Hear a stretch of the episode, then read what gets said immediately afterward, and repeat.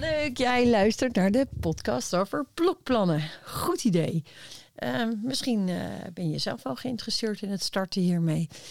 Deze dames die het boekje hebben geschreven van differentiëren in 543 leggen hierin nog uh, uit, eigenlijk volgend op de vorige podcast van goh, hè, als je nou met dat differentiëren bezig gaat, je wil die vaardigheden verbeteren, dan is het blokplan eigenlijk een vrij fijne vorm om dat meer op de kaart te zetten. En dat zit hem allemaal in het stukje voorbereiding, voorbereiding, voorbereiding.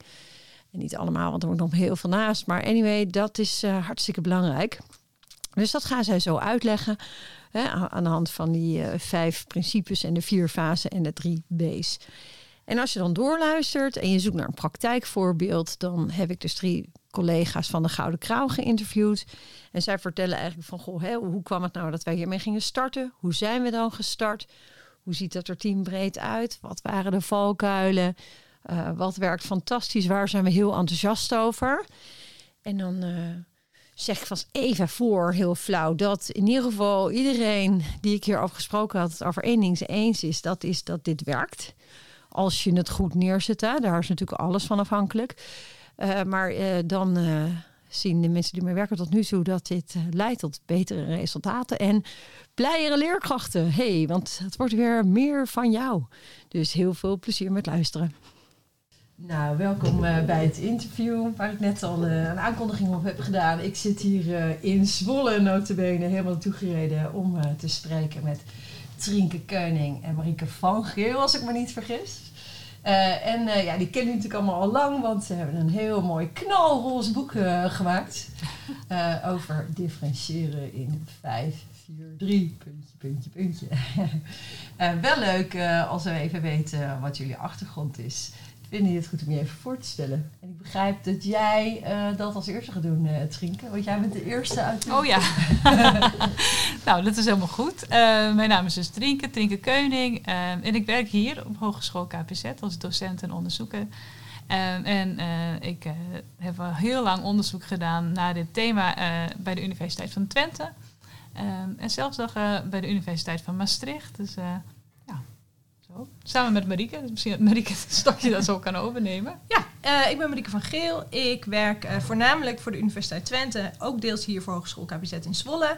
En uh, ja, wij hebben de afgelopen nou, meer dan tien jaar samen onderzoek gedaan naar ja, eigenlijk van alles rondom hoe leraren en schoolteams samen nou aan goed onderwijs werken. En differentiëren is één van de onderdelen daarvan.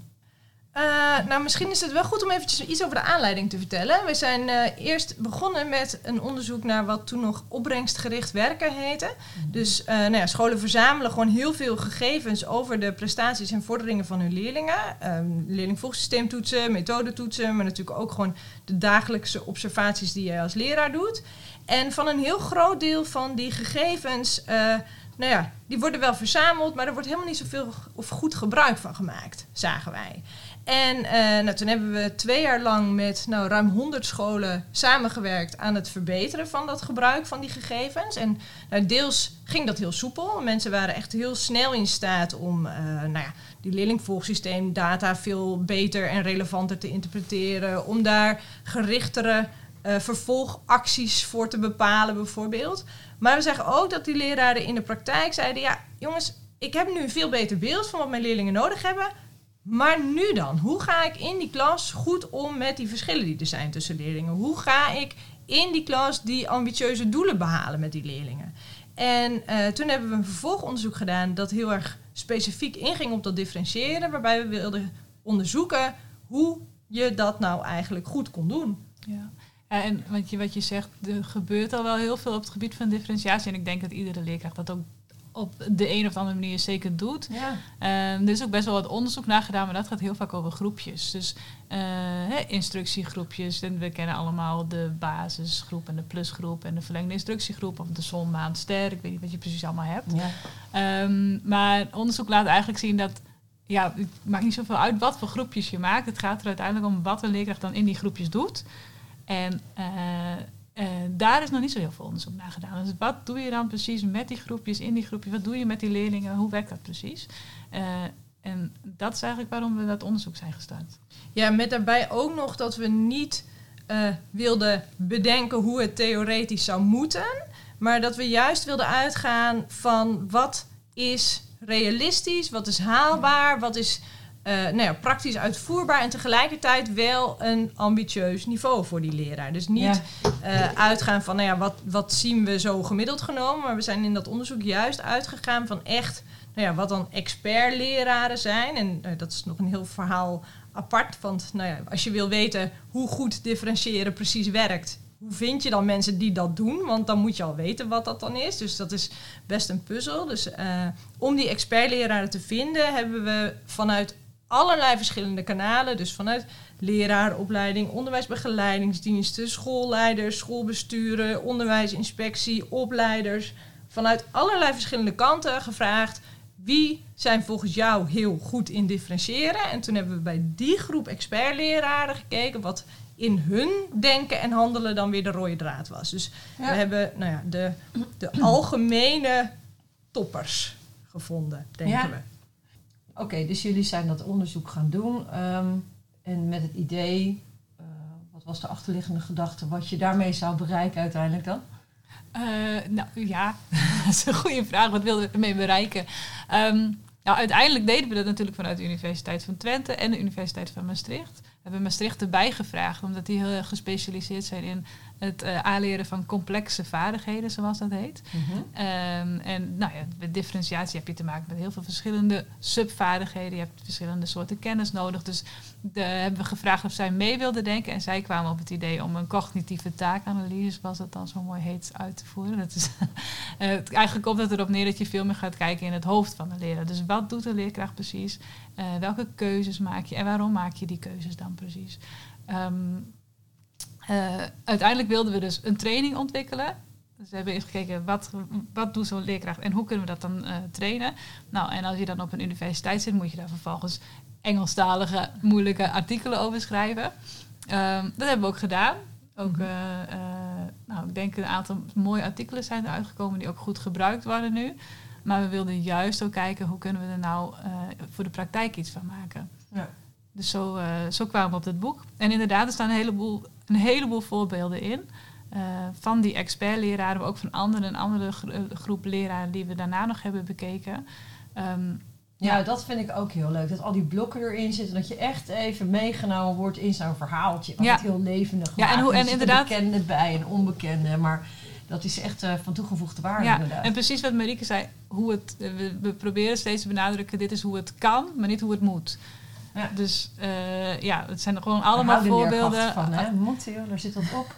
ja, tegelijkertijd is het ook wel eens vervelend hoor. Want we zeggen dus niet, dit is een, precies een stappenplannetje. En, want het is natuurlijk per context verschillend. Het ligt heel erg aan de klas die je hebt en de leerlingen die in, de, in je klas zitten, hoe jij goed differentieert. Dus we hebben wel een aantal uh, fases en principes. Nou, daar komen we straks vast nog op. Maar um, ja, je moet het uiteindelijk wel vertalen naar jouw eigen klas. Ja, en des te leuker vind ik. Want als het van jou zelf wordt, dan wordt ja. het ook beter. Ja. Hè? Zeker als je erover gaat praten met anderen. Maar leuk om die straks uh, even aan te doen. In dat onderzoek, hè, is er nog iets wat jullie totaal verrast heeft in de uitkomsten? Uh, nou, ik denk wel dat dat, dat dat hoofd zo belangrijk is. En dat, kwamen, dat was ook grappig, want de leraren die we spraken, die hadden dat zelf ook niet zo in de gaten. Ik denk dat dat ook... Dat is wel een algemeen expert kenmerk. Ja. Dat als je ergens goed in bent, dat er zoveel vanzelf gaat, dat je helemaal niet meer weet waardoor je er zo goed in bent.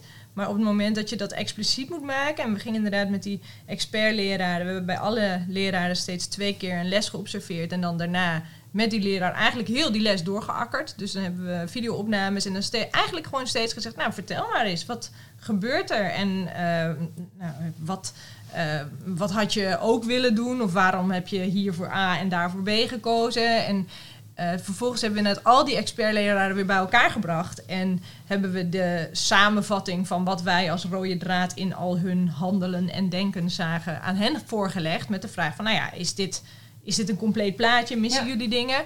En toen stonden ze daar zelf ook een beetje voor die hele grote muur vol met post-its in allerlei verschillende clusters geplakt. Van oké, okay, ja, dit, ik herken alles wat hier staat, maar het is wel heel veel. en ja. dat is denk ik ook een beetje het, het risico. Je wilt ook niet mensen afschrikken. Hè?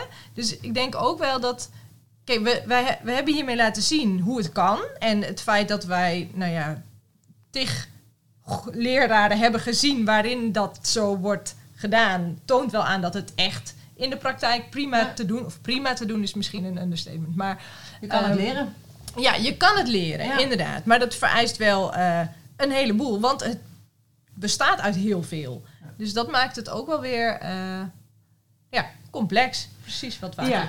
Nou, daar ben ik, dat snap ik. Alleen ik vind wel dat, al, dat je hiermee wel weet hoe je moet starten in ieder geval. Hè? Als je dit boek uh, bekijkt en deze podcast beluistert, dan kun je een stukje uh, duidelijk hebben voor jezelf. Hoe kan ik hier nou een start mee maken? Want natuurlijk doe je al heel veel. Dat zie ik in heel veel klassen. Maar ik zie ook iedereen aangeven van, goh, ja, dit, ik, dit is toch niet genoeg zoals ik het nu uh, beheers. En dan, hey, ik, ik, kom, uh, ik werk in Laren en het oordeel over Laren is, nou, daar zul je wel een hele smalle spreiding hebben. En uh, wat moet je daar nou differentiëren? Je hebt alleen maar kinderen van, nou, je snapt hem. maar ja, niks is minder waar. We hebben gewoon een spreiding van 7, nog wat. Dus ook wij zijn hier heel hard mee bezig. En natuurlijk is het ook zo met de smalle spreiding dat je nog moet differentiëren. Um, kunnen wij eens uh, ingaan op uh, wat jullie dan uh, zeg maar voor het plan hebben geschreven om dit aan te pakken op scholen? Zeg dat zo goed of moet dat anders klinken? Um, bedoel je die training die we hebben ontwikkeld? Nou, ik bedoel eigenlijk gewoon zo'n blokplan. -hmm. wat jullie, want, want, dat is eigenlijk waar ik op aanhaakte okay. in het boek. Hè. Jullie hebben natuurlijk veel meer ingeschreven, maar het blokplan. Um, nou, stel dat je daarmee zou -hmm. gaan werken, omdat dat zo'n mooie onderlegger is om, om dit op te pakken. Mm -hmm.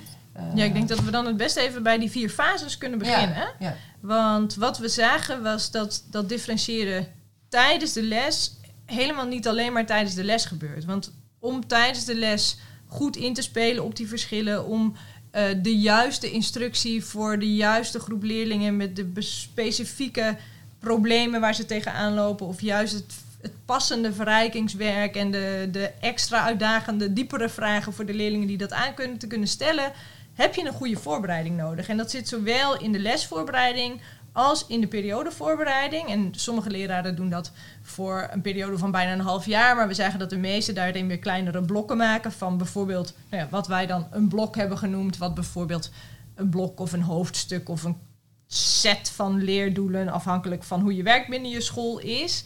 En dat die uh, periodevoorbereiding eigenlijk de basis vormt voor vervolgens in je lessen daar weer op aanhaken en dus ook in je lesvoorbereiding daarop aan te haken. Dus ik denk dat het overzicht van die doelen die je over een wat langere periode met je leerlingen wilt bereiken en de, nou ja, de, de belangrijkste punten daarin, dus wat zijn echt cruciale doelen, waar moet ik echt heel goed zorgen dat leerlingen dat beheersen zodat we verder kunnen, of wat zijn juist nou ja, dingen die wel in de methode staan, maar die ik juist eventjes op een tweede spoor wil zetten. Dat dat heel erg bijdraagt aan tijdens de les uh, doelgerichte keuzes kunnen maken. Ja, nou dit is, dit is precies wat ik bedoel. Ik vind het alleen leuk om het zeg maar zo concreet uit te leggen dat, dat uh, de mensen die luisteren zeg maar meteen een idee hebben van hoe zou dat er dan uitzien. Stel dat wij op school zouden gaan werken met zo'n blokplan. Mm -hmm. Uh, hoe vlieg je zoiets überhaupt aan? Wat zijn eigenlijk de voorwaarden? Hm. We kunnen wel het voorbeeld geven van, uh, van juf Merel. is een van onze expert-leraren die we gezien hebben. En um, zij geeft les aan groep 3. Zeg dat goed? Ja. ja, ja.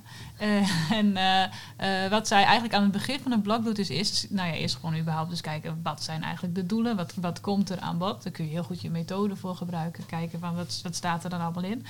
Um, dus wat is, het, wat, wat is het aanbod? En vervolgens kijken van, en, en waar hebben mijn leerlingen dan behoefte aan? Dus wat, uh, ja, en dat kun je eigenlijk op heel veel verschillende manieren kun je dat in kaart brengen. Marieke noemde net al een aantal dingen die je kunt doen. Maar een van de dingen die zei, dit was een, uh, de schaduwtoets, voortoets, afnemen. Bij die leerling en dan kijken, oké, welke leerling hebben waar moeite mee? En wat ze eigenlijk vervolgens deed, was gewoon een overzichtje van alle lessen in dat blok. En bij, die les staat dan, dit gaat over dat doel, dat, die gaat, dit gaat over dat doel. En dan schreef ze de namen erbij van de leerlingen die uh, ergens moeite mee hebben of juist dat doel eigenlijk al bereikt hebben. Dat is een klein onderdeeltje van een blokvoorbereiding, maar iets waar je direct al een heleboel mee kunt in je lesvoorbereiding. Want de eerste volgende keer dat je een les hebt, kijk je eigenlijk even naar dat overzichtje, weet je, oké, eh, die en die leerling, die moeten, er, die moeten er nu wel bij. Terwijl ze eigenlijk normaal gesproken in het uh, plusgroepje zitten. En die moeten er nu niet bij. Of die kunnen door, want die weten het eigenlijk al. En die mag, uh, ja, moeten even meedoen met de basisinstructie en mogen daarna zelf verder aan de slag, bijvoorbeeld. Ja. Dat is iets wat je in je blokplan... Uh, wat je dus eigenlijk vooraf, waar je eventjes voor moet gaan zitten. Wij zeiden altijd even met een kopje koffie gaan zitten en, en dat soort dingen bekijken. En dan levert je dat heel, een heleboel al op in je, uh, in je les, in je lesuitvoering. En het klinkt alsof je dat alleen doet en alsof het over één leerling gaat. Maar dat is dus inderdaad... Je doet dat, voor, je, je, je doet dat voor de hele groep. Voor de hele groep ja. inderdaad. Ja, en als je, uh, uh, wat je ook doet in diezelfde blok, blok voorbereiding is kijken wat komt, er, wat komt er eigenlijk überhaupt en welk materiaal heb ik bijvoorbeeld nodig. Want je hebt heel vaak, denk ik als leerkracht, dat je, dat je de dag daarna kijkt van oké, wat of de dag van tevoren kijkt, wat heb ik eigenlijk nodig? En dan ineens ziet van oh jee, het gaat over, nou noem eens iets, breuken.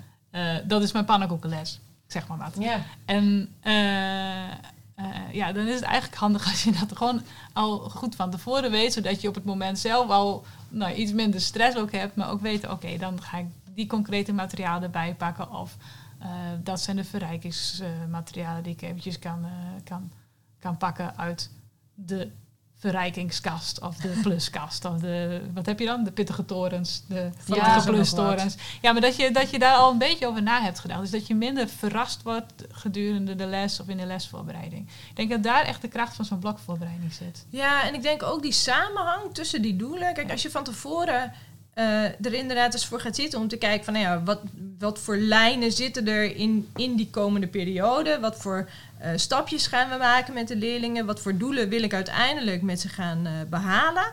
En ook hoe kan ik dan zorgen dat ik daar, nou ja, wat jij net ook zegt, dat verrijkingswerk bijvoorbeeld.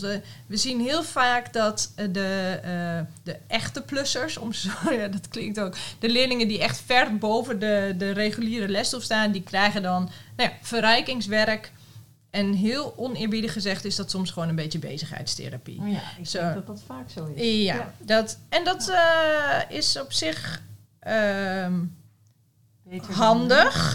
ja, je, ja. Nou, voor die leerlingen kan het al best wel interessant zijn om daarmee aan de slag te gaan. Maar de vraag is hoe dat bijdraagt aan het leren van die leerlingen. En hoe jij als leraar daar zicht op houdt. Hoe jij ervoor zorgt dat die leerlingen zich daar echt goed in uh, vastbijten. Dat ze weten wat ze ervan aan het leren zijn, bijvoorbeeld. Dus als jij als leraar zorgt dat je doelen stelt voor dat verrijkingswerk. Ja, ik denk dat daar echt een crux zit. Want ik, dat, wat ik heel vaak zie is dat hè, kinderen krijgen gewoon wat er is. En dat is dan toevallig rekentijgers, noem maar wat. Mhm. Of dat aan het doel raakt, nou, daar is eigenlijk niet naar gekeken. Zit er een doel aan, nou, meer dan echt bezighouden, heel vaak eerlijk gezegd, niet helemaal.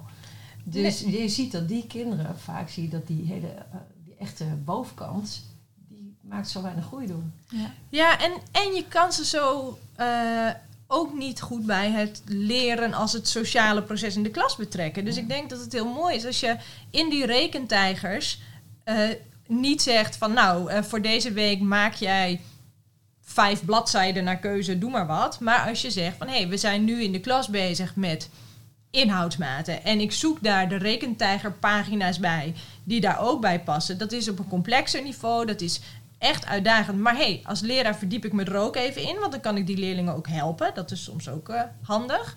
En uh, dan kun je ook, als je je les afsluit met de klas als geheel, vragen wat de leerlingen die met die rekentijgeropdracht hebben gedaan, uh, waar zij mee bezig zijn geweest. En hoe dat dus samenhangt met het berekenen van een inhoudsmaat waar je met de rest van de klas in de basisinstructie mee bezig bent geweest. Waardoor je ook die link legt tussen wat alle leerlingen in je klas aan het leren zijn. Ja. Hoe belangrijk is de evaluatie aan het einde? Heel belangrijk. die is, nou, en evaluatie, het is een, een, uh, een lesafronding. Ik denk, voor een deel gebruik je dat als evaluatie als leraar. Ook voor je leerlingen is het mooi om daar even op terug te komen. We zien dat leraren steeds vaker wel uh, het lesdoel delen met leerlingen. Aan het begin van de les of tijdens de introductie bijvoorbeeld. Dat is Dat iets dat- waarvan jullie zeggen, dat is heel belangrijk. Ja, en dat, dat richt die aandacht ook gewoon heel goed. Van Ja. zowel de leerling als van jou als leraar. En, en ik denk wel dat het, eh, we hebben nu, het wordt soms een beetje een trucje. Dus Ja. dan zeggen we van ik kan en dan moet je er zo'n mooie volzin van maken. Ik denk, het gaat er echt om dat de leerlingen begrijpen waar ze mee aan de slag gaan. We zien, die experts die zetten bijvoorbeeld ook het doel altijd op het whiteboard en niet op het digibord, zodat ze er ook elke keer weer op terug konden komen. Dat je als leerling ook kunt zien tijdens de les nog steeds, van, oh ja, dit is het doel van de les. Eh, Maar dan inderdaad, in de evaluatie moet je daar dan zeker ook weer op terugkomen. En dat is iets wat. Eh, we hebben ook een heel grote groep scholen gezien, waar, of leraren gezien, die les gaven met bijvoorbeeld eh Snapit Ja. of met Kinsey. En dat zijn adaptieve systemen waarbij leerlingen eigenlijk nog veel meer uit elkaar gaan. eh, en aan het einde van de les iedereen met iets anders bezig is. Dat, dat, dat zelfs de expertleraren daar wel eens zeiden: Oh ja, die lesafronding, dat had ik nog eventjes moeten doen. En dat, dat dat zelfs daar wel eens vergeten wordt, terwijl het echt heel essentieel is om juist met elkaar weer terug te komen. En inderdaad, als die- winst. Eh, nou, in, dat ze weer weten van wat deden we eigenlijk ook alweer. Wat- Wat is dat doel precies? En hebben we dat nou met elkaar behaald? Dat je er de volgende keer weer op terug Een kunt stukje komen. inzicht in je eigen leerproces ook. Van, goh, waar sta ik? Weet ik dit Ja. eigenlijk al? Ja. Ja. En voor de leerkracht inderdaad handig als je daarin al een terugkoppeling krijgt eh, van eh, Ja. de kinderen natuurlijk. Ja, zeker. zelf aan kunnen geven. Ah, en ook wel, misschien zelfs ook wel gewoon een beetje een groepsproces of zo, groepsvorming. Juist om die, om die plussers er weer bij te halen en, en de leerlingen die... Ja, dat vind ik ook een goede slag. Dat je die, eh, als ze aan hetzelfde leerdoel werken, kun je ze ook veel makkelijker Ja. betrekken, inderdaad. Ja. Maar ja, dit staat of valt allemaal met, met die voorbereiding, inderdaad. Eh, ik kreeg net even het idee, eh, ik sta hier over te vertellen aan mijn team en ik had heel erg de nadruk gelegd op, van, het is goed om die blokvoorbereiding met elkaar te doen. Ja. Ja, s- dat vinden jullie ook. Nou ja, als het, eh, als het kan. eh, kijk, dat, dat is natuurlijk altijd de uitdaging. Want hoe, hoe faciliteer je dit op schoolniveau? Hoe zorg je ervoor dat mensen eh, met elkaar hiermee aan de slag kunnen? Zeker als je parallelgroepen hebt, zou ik zeggen, doe dit lekker met elkaar. Zodat je ook met elkaar nou ja, die doelen eens kunt doorakkeren. En kunt zeggen van, goh, waar lopen leerlingen tegenaan? Wat is altijd lastig? Waar, wat, wat zijn fouten die leerlingen altijd maken? Zodat je dat voor kunt zijn. Dus, en, en dat vooral, ik denk dat daar de kracht van die blokvoorbereiding zit. Het, het is investeren aan de voorkant. Ja. Maar dat zorgt ervoor dat je achteraf veel minder verrassingen tegenkomt en dingen hoeft te gaan repareren waarvan je als je van tevoren nou ja, had gezegd van oké, dit vinden leerlingen jaar in jaar uit een lastig onderwerp. Hier trekken we wat meer tijd voor uit. Of hey, onze hele klas laat op de voortoets al zien dat ze dit beheersen. Hier maken we een super compacte les van, zodat we eh, onze tijd effectiever kunnen gaan besteden of efficiënter kunnen gaan besteden. Dan heb je daar uiteindelijk heel veel winst van.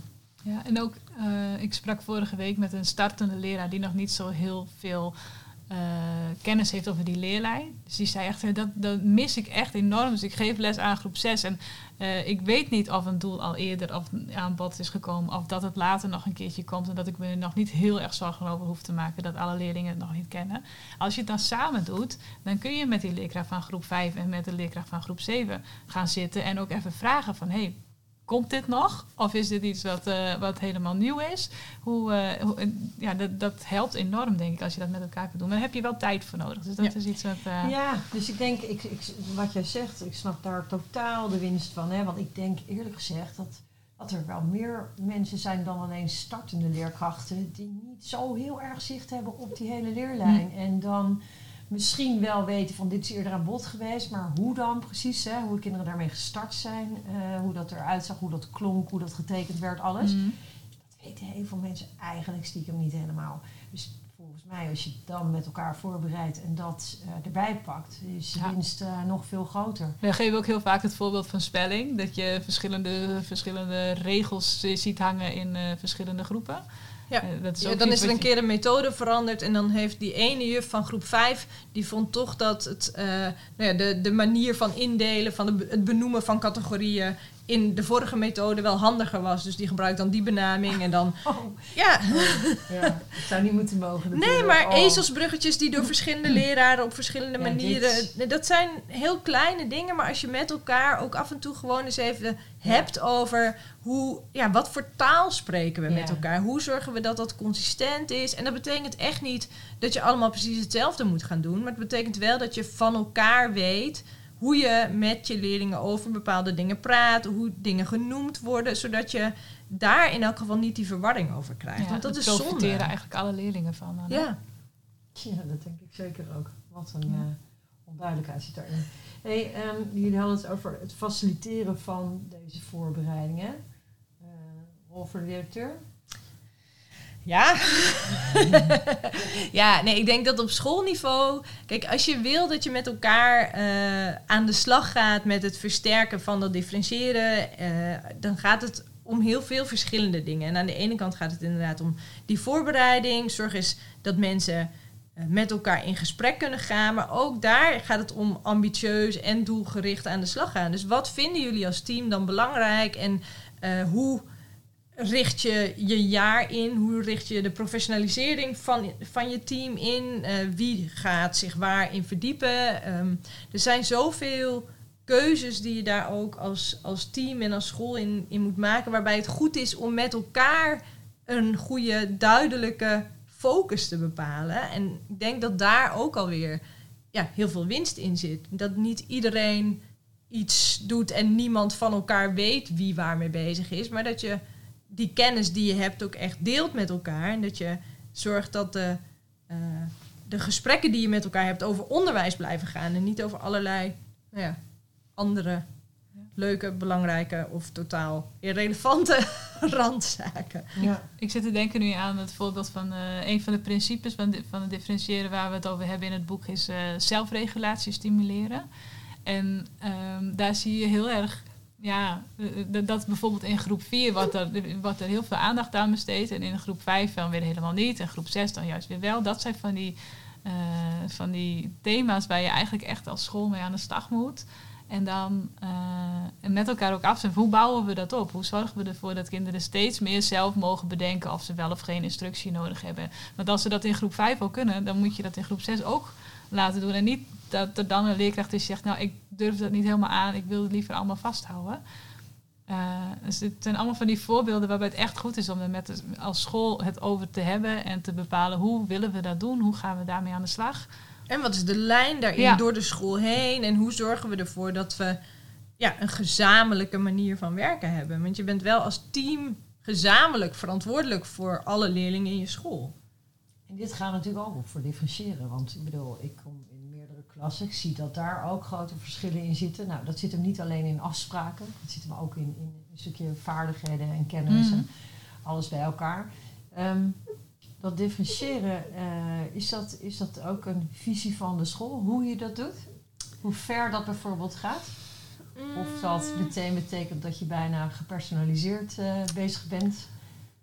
Ehm, Of juist eh, blijft hangen in het klassikale Ik denk dat, het, dat, dat we daar misschien meteen een heel mooie eh, misvatting over wat differentiëren is of zou kunnen zijn eh, te pakken hebben. Want het zit bij differentiatie niet zozeer in de vorm die je kiest. En natuurlijk is het, eh, is, is het hebben van bepaalde routines waarbij je met verschillende instructiegroepen of met verschillende rondes of met een bepaalde circuitvorm werkt. Een routine die je door de hele school wel of niet zou kunnen toepassen. Maar eigenlijk gaat het er bij dat differentiëren vooral omdat je als leraar binnen een gegeven situatie, namelijk bijvoorbeeld een les, eh, een doel wat je wilt nastreven, kijkt wat is voor deze leerlingen de beste aanpak om dat doel te bereiken. En het kan heel goed dat je twee parallelgroepen hebt en dat in de ene groep een heel frontale les misschien wel de best passende manier is. En in de parallelgroep juist een veel eh, dynamischer lijkende les waarbij leerlingen in allerlei groepjes van alles en nog wat aan het doen zijn. Gewoon omdat de behoeften van die leerlingen ten aanzien van datzelfde doel zo verschillen. Dus ik zou niet willen zeggen dat, dat je afspraak moet maken over hoe het eruit ziet, maar wel over hoe je dingen aanpakt. Nou ja, je ziet natuurlijk wel steeds meer een trend naar dat gepersonaliseerd unitonderwijs. Ja. Um, en daar hebben we ook wel naar gekeken. We hebben ook een aantal leraren bezocht die uh, echt in ja, die dan pretenderen om dat ze gepersonaliseerd onderwijs geven, uh, hebben bezocht. En eigenlijk zien we daar um, een heel vergelijkbaar beeld. Dus uh, dat wat die leraar dan doet, dat is nog steeds in vier fases en die vijf principes. Dus ze zijn nog steeds een, een, periode aan het voorbereiden en een les aan het voorbereiden en les uitvoeren.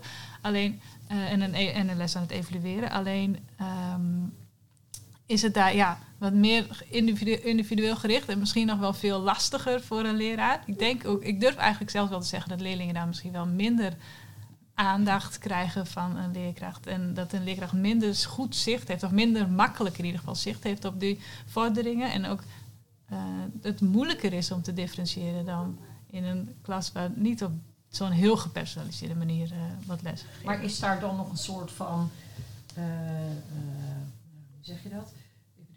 dan dat je maximaal aantal, uh, een maximaal aantal groepen kunt bedienen, oh. niveaus kunt bedienen. Nou, ik denk dat dat verschilt per, per, uh, per leerkracht. En per doel. Ja, ik, ik, het is, het is, het, is het wenselijk? Dat is denk ik inderdaad ook een vraag. Wil je, en haalbaar. Ja, ja. ja.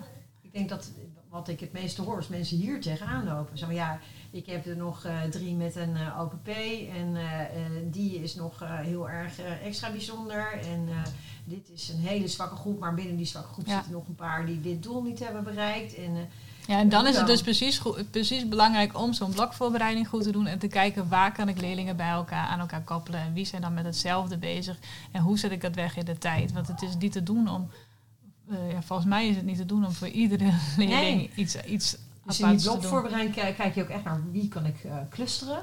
Maar ook naar um, als je, ik kan me voorstellen, als je kijkt naar de les van de volgende dag, dat je ook echt nadenkt over uh, bijvoorbeeld, ik heb 50 minuten, hoe ga ik ze indelen? Ja, ja en, en flexibel clusteren. Dus ze zitten niet vast in een groepje, nee. maar echt per les, per kijken, les kijken. Wat is er per nodig? Doel eigenlijk. Ja, per, ja, doel. per doel. Ja. ja, dat zeg jij steeds goed, hè? Ja, ja nou ja, ik, ik denk dat dat wel een van die principes is ook, werk doelgericht. En we zien natuurlijk dat je heel vaak uh, als leraar geneigd bent om naar de activiteiten te kijken of naar het aanbod. En de vraag is, is dat aanbod dat er in jouw methode staat allemaal nodig, of misschien wel veel te weinig, voor deze leerlingen om dat doel te behalen? En ook daarin helpt zo'n blokvoorbereiding heel erg. Als jij die doelen goed op een rijtje hebt, dan kun je daar zeker als je een heel complexe klassensituatie hebt, veel gerichter prioriteiten instellen, in clusteren en inderdaad die leerlingen en die doelen bij elkaar brengen en kijken, oké, wie heeft waar wat nodig en waar kan ik dan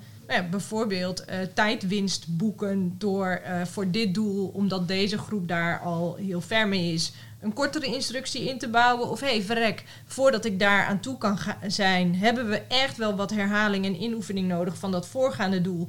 Dus ik bouw daar eerst twee herhalinglessen over in. Of we doen uh, heel veel met oefenmateriaal, automatiseringsmateriaal, afhankelijk van wat leerlingen nodig hebben. En door in nou ja, zo'n periodevoorbereiding daar zicht op te krijgen, kom je ook veel. Nou, niet, ik wil niet zeggen dat je nooit meer problemen tegenkomt, nee. maar die heb je altijd. En er zijn altijd verrassingen. Maar het is wel heel helpend voor jezelf om die focus te kunnen behouden. En als jij weet dat dit nu het belangrijkste is, dan kun je daar alsnog beredeneerd van afwijken, mocht er zich iets voordoen. Maar anders zorg, zorg dat er wel voor dat je die focus houdt en zorg dat je dat doel met die leerlingen kunt gaan behalen. Ja, en hoe kijk je dan aan tegen de inzet van ICT hierin? Uh, dat uh, gaat over de drie B's, denk ik. En uh, bij, die moeten er nog, die moeten er nog even in. want het gaat erom dat je bewuste, beredeneerde en betekenisvolle keuzes maakt. Dus ook daarvoor, voor die inzet van ICT geldt doe dat bewust. En kies ervoor om dat wel of niet te doen om een bepaalde beredeneerde reden. Dus ja, net als voor alle. bij het doel ook. Ja, niet wat is je doel? huiswerk aanzetten, maar kijk, eh, waar zijn ja. we mee bezig? Waar hebben die leerlingen behoefte aan? Als je ziet dat bepaalde leerlingen nou ja, baat zouden hebben bij het inoefenen van een bepaalde vaardigheid die ze eigenlijk al wel beheersen, maar gewoon sneller moeten kunnen. Nou, zet daar dan ICT voor in, want daar heb je superhandige toeltjes voor. Prima. Maar zet ze inderdaad niet lukraak ergens uh, om maar drie kwartier bezig te zijn. Ja. Ja. En het stukje dat dat zo adaptief zou zijn. Nou, dat is een heel handige functionaliteit. Dus nee, serieus. Ja, ik, ik denk, de, de, we, hebben, we hebben een aantal van die expertleraren die gebruikten dat, die systemen. En die waren er heel enthousiast over. En hebben daar ook, ik denk dat dat ook heel, uh, heel goed werkte in hun klas. Maar ze hadden wel heel goed zicht op wat doet dat systeem dan precies. Uh, en uh, waar zitten mijn leerlingen in het systeem? En op basis waarvan, waarom krijg ik een groen scherm hier en een rood scherm daar? En wanneer moet ik ze wel of niet even bij mij roepen? En als je dat goed, daar heel goed zicht op hebt, je weet hoe dat systeem werkt, maar dat geldt ook voor een methode. Ja, dat Gewoon, dat je weet hoe het systeem werkt. Want rood, ja. En dat is nog tien keer doorklikken voordat je weet wat er echt is. Ja, en, nou ja, en, en, heel veel scholen die hebben wel een uh, knoppencursus gehad, maar uh, weten dan nog steeds niet, dan, dan weet je nog steeds niet precies hoe dat systeem werkt en hoe je het kunt inzetten voor uh, goed onderwijs. En ik denk dat daar nog wel echt veel winst te halen is. Als je bijvoorbeeld, ja, als je gebruik maakt van zo'n systeem, dat je ook.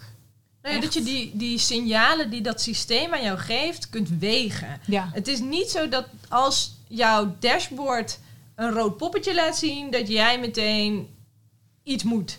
Dat ligt er namelijk aan waar, waar dat vandaan komt. En het ligt eraan wat belangrijk is. En andersom ook, hè. Als daar allemaal uh, groene bolletjes staan, dan betekent dat ook niet per se dat die dat dat precies is wat die leerling nodig heeft en dat je je daar helemaal nooit meer uh, in hoeft te verdiepen. Dus het gaat erom dat je dat systeem beredeneerd inzet en de signalen die je uit dat systeem krijgt als één van de informatiebronnen beschouwt die je hebt over het nou ja, leren en uh, presteren van je leerlingen. Dus het is een prima hulpmiddel. Hartstikke mooi. Ik denk dat, dat zeker voor een heleboel basisvaardigheden of het inoefenen daarvan. Die leerlingen maken over het algemeen veel meer oefenmeters, om het zo maar te noemen. Dus dat is, kan zeker van, van meerwaarde of uh, winst zijn. Maar ja, het lastige is dat je er soms moeilijk van afstapt. Ja. Dus dat, dat we dan, uh, je, je, hoort wel eens dat uh, mensen zeggen, ja, maar ik, we moeten deze les op, in het systeem doen, want anders dan krijg je geen vaardigheidsscores. Terwijl sommige lessen kun je beter op papier doen en dat moet je dan ook wel gewoon kunnen doen. En dat, dat, ja, soms zit je daar dan een beetje te veel aan vast. Dus ook daarvoor geldt flexibel inzetten. Ja. En dat is weer iets waar je het op schoolniveau dus als schoolleider en IB'er bijvoorbeeld ook heel erg over kunt hebben. Van hoe zetten we dit systeem beredeneerd in en niet, uh, nou ja, klakkeloos altijd maar. En dat geldt ook voor een papieren methode. Die, die is een handig hulpmiddel en daar zitten superveel goede dingen in. Maar ook daar geldt voor dat je af en toe wilt afwijken, beredeneerd. Maar wel omdat dat een keuze is van jou als professional. Ja, ik kan me dus heel goed voorstellen als je daarvoor gaat zitten en uh, directeur IB zorgt dat die tijd er is en dat dat vast staat gepland is. En dat je met elkaar uh, kijken van hoe gaan we dit inderdaad aanvliegen. Dat je een soort van werkwijze hebt hoe zo'n middag er dan uitziet. En ik, ik geloof heel erg in dat samenwerken. Om in ieder geval zeg maar, alle voorwaarden al uh, zoveel mogelijk uh, op orde te hebben om die les. Want iedereen kent het gevoel van een goed voorbereide les. Is super lekker om te geven. Het is gewoon zo. Hmm. Dus, en er zit gewoon hartstikke veel winst in. Als je nou um, jullie boek uh, leest, hè, wat, wat ga je dan nog meer leren? Behalve dit stukje wat ik eruit geplukt heb, omdat ik hier heel erg van aanging. dacht, ja, dit is wat we nodig hebben nu. Dit is gewoon een super mooi tool om in te zetten. Nou, wat ik misschien nog wel leuk vind om even erbij te vermelden. We hebben uh, in het boek staat nou ja, wat, wat wij in ons onderzoek gevonden hebben. Uitgesplitst in die vier fases. We lichten uit hoe die vijf principes in elk van die fases een rol spelen. We hebben een heel hoofdstuk voor de schoolleider en de IB'er hoe je dit op schoolniveau goed kunt vormgeven. Uh, het hele boek staat vol met allerlei voorbeelden van leraren die wij de afgelopen jaren bezocht hebben. Maar wat er ook in staat zijn uh, intermezzo's, zoals we ze zelf maar hebben genoemd, van allerlei andere wetenschappers. Dus er zijn heel veel, uh, nee, niet alleen wetenschappers, trouwens ook onderwijsbegeleiders en een aantal opleiders, die um, iets hebben gedaan rondom onderzoek dat te maken heeft met differentiatie of, of thema's die daarbij passen. Uh, en in die intermezzo's worden ook steeds nou ja, de zaken die in het boek besproken worden vanuit een aanvullende invalshoek belicht, laat ik het zo zeggen. En, uh, er zit ja, van alles en nog wat. Maar ik denk dat die ook een mooie aan. Die oh, ja. vond ik ook briljant. Oh, dat vond ik zo'n leuke ontdekking. ik, ik, eerst was ik gewoon aan het lezen, dan die QR-codes scan ik een beetje overheen. Maar toen ging ik eens kijken wat erachter zat. Maar daar zit nog even een schat aan informatie in. Vond ik ook echt heel tof. Ja, dat is denk ik ook nog mooi om te noemen. Als je nou zelf een keertje wilt kijken van hoe, hoe sta ik er eigenlijk voor? Of hoe, dat, uh, ja, inderdaad, hoe goed ben ik al bezig met differentiëren? We noemen nu een aantal dingen, maar als je echt de samenhang ook goed wilt bekijken, dan zou ik zeker naar het ADAPT-instrument kijken. Dat is één van de QR-codes in het boek. We hebben uh, ja, een instrument ontwikkeld waarmee je differentiëren of differentiatievaardigheden van leraren kunt meten. En dat hebben we inmiddels ook getest. En, en het, het schijnt best een goed instrument te zijn. Nou, laten we het zo zeggen. Bij gebruik door getrainde observatoren is het heel betrouwbaar. Wat inhoudt dat dan verschillende beoordelaars of observatoren nagenoeg tot dezelfde scores komen. Dus ja, maar wat, het, wat ik zelf het mooiste vond, was dat die observatoren zeiden van hé, hey, maar door dit instrument gewoon goed te lezen en uh, door, de, door over te praten met elkaar, wat je op school zou kunnen doen, krijg ik veel meer inzicht in mijn eigen differentiatievaardigheden en leer, zie ik ook waar ik uh, mezelf nog kan verbeteren. Want ja, iedereen kan zich op dit vlak denk ik nog wel uh, nog, nog verbeteren. En we hebben daar, nou, dan moet je dan maar gaan kijken, maar we hebben daar ook een aantal uh, scores zeg maar, toegekend. Maar bij elke score ook gezegd van oké, als je goed monitort tijdens de les, dan... dan ziet dat er zo uit en dan zit er een voorbeeld bij. Dus dat heeft inderdaad die vier fases. Het, het ADAPT staat voor Assessing Differentiations in All Phases of Teaching. Dus het gaat om zowel de periodevoorbereiding als de lesvoorbereiding, als de les, als de evaluatie. Dus het is ook niet alleen een lesobservatie, maar juist ook het gesprek met de mhm. leraar dat je voert. Want er zit zoveel in die fases om die les heen.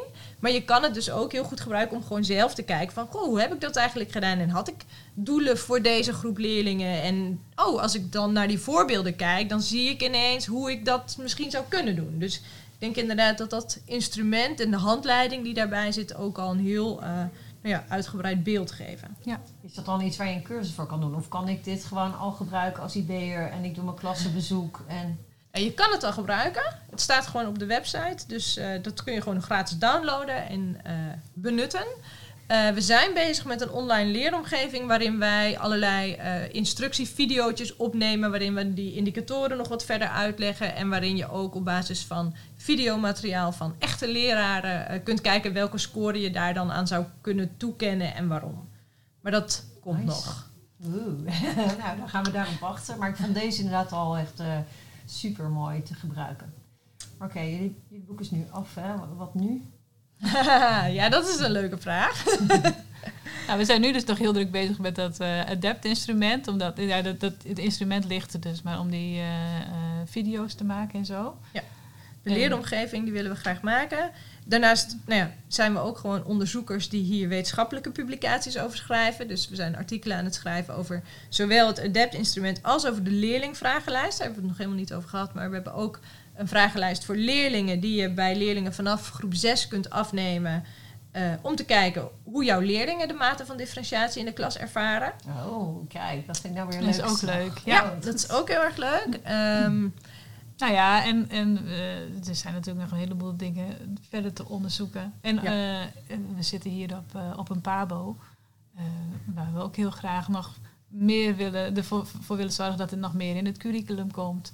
Uh, zo hebben we een heleboel dingen ja, te doen. Ja, want dat vond ik wel grappig toen dit uitkwam. Toen kwam er dus op heel veel uh, social media kwam voorbij. Jee, maar waarom hebben we dit op de Pabo nooit geleerd? Je, hebben nooit een differentiatieles mm -hmm. gehad of zo. Ja, er, zit een heleboel, uh, dat, er zit een heleboel wel in de Pabo. Alleen hier laten we zien hoe het met elkaar samenhangt. Ja. En ik denk dat dat voor Pabo's ook heel interessant is. Om die samenhang juist nog meer aan studenten te laten zien. En jullie boek uh, heet natuurlijk uh, Differentiëren in 5, 4, 3. Uh, die 5, wat kun je daarover? Ja, die 5 die staat voor de vijf principes die eigenlijk in alle vier fa de fases een belangrijke rol spelen. Um, ja, zullen we ze gewoon even langslopen? Ja. ja? de eerste is werkdoelgericht. En dat houdt dus in dat je, als je differentieert, de hele tijd bij alle keuzes die je maakt, het doel dat je nastreeft voor ogen houdt. Gaan we ze op de beurt doen? Ja, dat is, ja, is leuk. Lekker dynamisch. uh, nou, die tweede, dat gaat over het voortdurend monitoren. En dat kan op heel veel verschillende manieren. Maar dat is ook iets wat eigenlijk een leerkracht gedurende de les, en maar ook voorafgaand uh, steeds doet om goed zicht te krijgen op de, op de vorderingen van leerlingen ten opzichte van het doel. Dus het heeft ook allemaal weer met elkaar te maken. Uh, het derde principe hangt eigenlijk ook weer mee samen. Dat gaat om het uitdagen van alle leerlingen. Dus zorg dat je hoge verwachtingen hebt, dat je ambitieuze doelen stelt voor iedereen. Uh, en dat je dat ook uitdraagt, zowel in je, je houding als in je taalgebruik, als in gewoon de hele. Ja, dat je een, een ambitieuze sfeer creëert in je klas. Nou, het vierde principe dat gaat over instructies en verwerking afstemmen. Dus het gaat echt over het, uh, ja, een lager abstractieniveau of juist een hoger abstractieniveau. Kijken of je uh, in de verwerking of die echt aansluit bij het doel. Of dat je misschien iets kunt aanpassen daarin. Um, en het is daarbij heel belangrijk dat je als leerkracht ook een, uh, breed handelingsrepertoire. Dus dat je ook nou ja, daar keuzes in kunt maken. en de vijfde, de laatste is stimuleer zelfregulatie. En uh, het is denk ik ook gelijk goed om daarbij te noemen dat dat niet betekent dat je leerlingen volledig loslaat, alles zelf laten uitzoeken en uh, iedereen bepaalt zijn eigen doel en werkt op zijn eigen tempo en niveau enzovoort. Maar juist om het zorgen dat leerlingen zelf ook zicht hebben op wat ze aan het leren zijn, waarom ze dat aan het leren zijn, hoe ze ervoor staan, wat ze nodig hebben en dat ze daar zelf uh, steeds meer eigenaarschap over krijgen. Maar jij als leraar blijft dat dan natuurlijk wel monitoren en bijsturen waar nodig. Dus het gaat erom dat je die leerlingen daar handvatten voor geeft waar het kan. Oké, nou duidelijk verhaal. Maar stel nou dat ik dit allemaal ongelooflijk goed kan. Hè? Mm -hmm. En ik zet dit in mijn klas in uh, als een expert leerkracht. Mm -hmm. uh, uh, wat ga ik dan zien? Nou, ik denk dat je heel goed doordacht lesgeeft, waardoor je veel uh, effectiever bent. Ja, het levert als leerkracht een soort van rust ook op, denk ik. En het, uh, het gevoel dat je alle leerlingen bediend hebt. En ook de OPP'ers, en, uh, want daar kom je dan door je goede voorbereiding en tijdsplanning, weet je ook wanneer je daar, daar tijd voor hebt. Ja, want die, inderdaad, die OPP'ers die hebben helemaal, helemaal hun eigen plan natuurlijk. Dat is weer een differentiatie op zich. Ja. Maar de, daar kun je wel door, goed, door dit goed te doen, heb je daar wel de ruimte voor gecreëerd in je lessen om ook hen dan uh, nou ja, daar tijd voor te maken. Um, en ik vind het. Uh, uh, de, de vraag is altijd: levert dit dan ook echt betere leerlingprestaties op? Dat kunnen, hebben, we, hebben we nog niet onderzocht en dat is ook heel lastig te onderzoeken. Uh, omdat de leraren die dit heel goed doen, worden altijd gezet op de groepen die, uh, of altijd, weet ik niet. Ja, maar oh worden ja. vaak gezet op groepen die ja, wat, wat uh, meer moeite hebben. En dan kun je dat, ja, het middelt dat een beetje uit. Dus ik, maar het is wel een beetje een aanname het is dat zeker een aanname, ja. zeg maar. Maar grootschalig onderzoek naar, daar is, is daar eigenlijk kennen wij niet. Nee. nee. Nee, dat is natuurlijk ook super lastig om goed te onderzoeken. Want, uh, nou ja, om niet in allerlei details te treden, maar überhaupt het meten van de toegevoegde waarde van een bepaalde leraar aan het leren van een bepaalde groep is al super, super, super ingewikkeld. Um, en zo'n veelomvattend iets als differentiëren in alle fases en allerlei keuzes enzovoort enzovoort. Ja, probeer dat er dan nog maar eens eventjes heel specifiek uit te lichten. Maar het levert in ieder geval volgens mij jezelf rust op en ook gewoon een blije klas en blije kinderen. Ja. Ja, en inderdaad rust, maar ook voor jezelf denk ik een heel goed gevoel, omdat die voorbereide les, waar je van tevoren al nagedacht hebt over hoe, welke, uh, hoe je iedereen bedient, dat voelt toch zoveel fijner ook om ja. te geven. Ik denk dat je daar ook een heel belangrijk iets zegt. Het gaat erom dat je in je voorbereiding ervoor zorgt dat je iedereen goed bedient in het leren van dat wat je wil dat ze gaan leren. En dus gaat het niet alleen om het maken van een goede tijdsplanning. Van nou, ik heb dan zoveel minuten voor die en zoveel minuten voor die. Maar juist om dat inhoudelijke. Hoe zorg je ervoor dat die leerlingen dat gaan leren wat je wilt bereiken in zo'n blok en in zo'n les. En niet zozeer hoe zorg ik ervoor dat ik bij alle leerlingen even ben langsgelopen. Want nou ja, dat is weer veel meer vorm dan inhoud. Ja. Zijn jullie nu na het schrijven van het boek zelf ook expert leerkracht hierin geworden? Het is al heel lang geleden dat ik uh, voor de klas stond in het basisonderwijs. ja, maar dit kan toch ook uh, hier uh, nou, die, van toepassing zijn? Die principes, die, die probeer ik wel toe te passen, ook in mijn colleges. Ja. ja. ja. Dus je, je bent je er in ieder geval veel bewuster van. Ja, precies. Ja. Maar ook dan is het best eens lastig. Dus ja. Ja. ja. Nou en ik denk, we hebben het nog niet zo heel expliciet gehad over de kennis die je nodig hebt om goed te differentiëren. Ja, wel uh, nog erbij gezet. ja. Um, ja, want die, die principes en die fases en die uh, B's, die zijn heel belangrijk. Maar je kan dit vooral goed doen als je gedegen kennis hebt van het vak dat je geeft, van de leerlijnen die daaronder zitten, van de doelen die je nastreeft, van de manier waarop je dingen kunt uitleggen aan leerlingen, de manier waarop leerlingen dingen verkeerd kunnen begrijpen, zodat je daar goed op kunt inspelen. Maar ook kennis van je leerlingen. Dus een goed beeld van hun pedagogische en didactische behoeften. Uh, hoe zitten die leerlingen in elkaar? Wat hebben ze nodig? Wanneer vinden ze dingen misschien extra lastig? Of wat helpt altijd goed bij deze leerling? Um, en uh, een breed handelingsrepertoire in allerlei soorten strategieën. Dus hoe Wat kun je. Dat?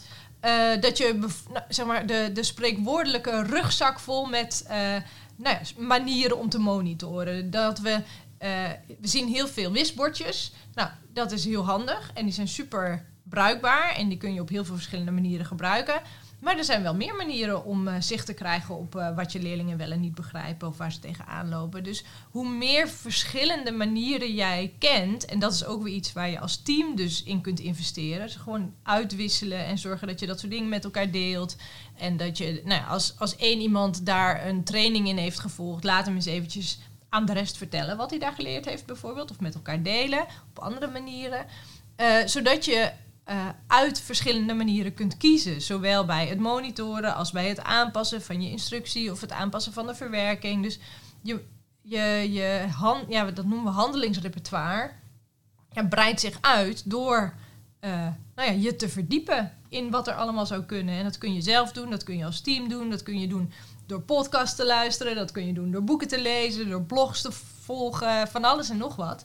Maar uh, dat draagt wel bij aan het nou, gerichter keuzes kunnen maken voor wat leerlingen van jou en van elkaar en van zichzelf nodig hebben tijdens verschillende lessen waarin je verschillende doelen wil bereiken. Ja, dat was misschien een beetje een raar einde van het interview, maar geloof me, dat liep zo. En het laatste stukje, nee, dat heb ik ervoor gekozen om dat eruit te laten. Ook al hebben we dan geen doei bedankt uh, einde en zo.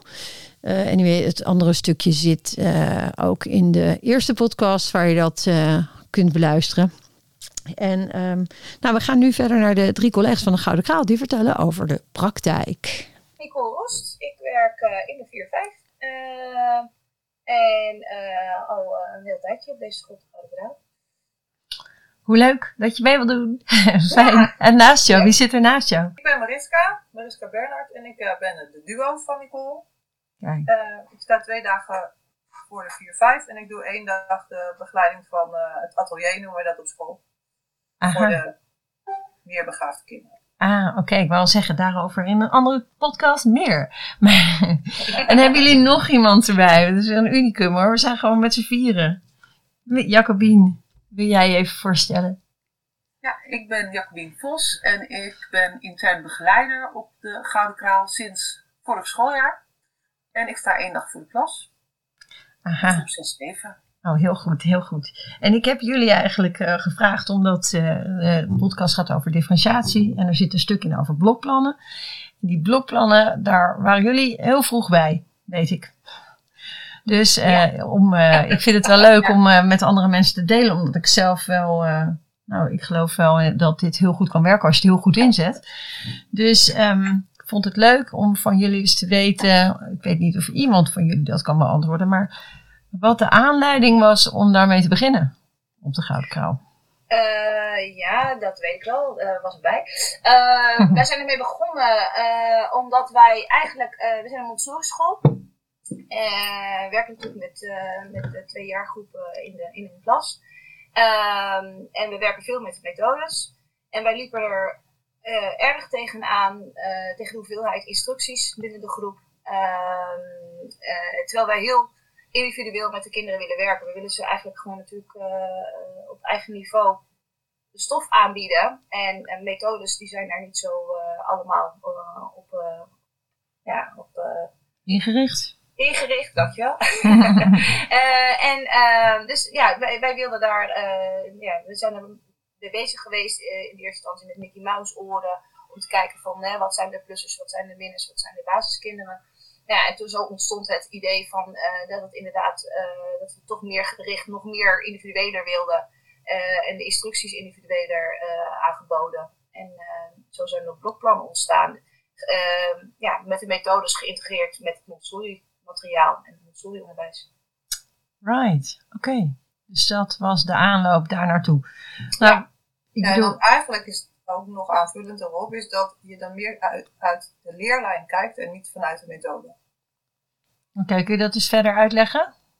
Nou ja, je, je, je uh, methode geeft natuurlijk wel een overzicht over wat een kind moet leren. Maar je kunt ook vanuit de leerlijn kijken. Dus dan zijn er dingen die je niet hoeft te doen. Of op een ander tijdstip kan doen. Het hoeft natuurlijk niet allemaal in week 6 te gebeuren. Het kan ook in week uh, 20 gebeuren. En dat is bij het ene vak wat makkelijker dan bij het andere. Maar omdat wij toch al redelijk uh, geïntegreerd werken, kunnen we het wat makkelijker loslaten.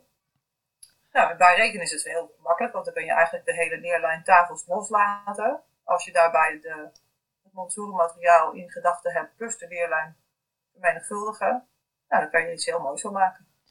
Maar hebben jullie mensen dan in het team ook op deze manier daarop ingezet? Dat iedereen dus echt zelf ging kijken naar de doelen, de leerlijn. En dan vervolgens zijn onderwijs anders is gaan inrichten dan volgens de methode per se, zeg maar?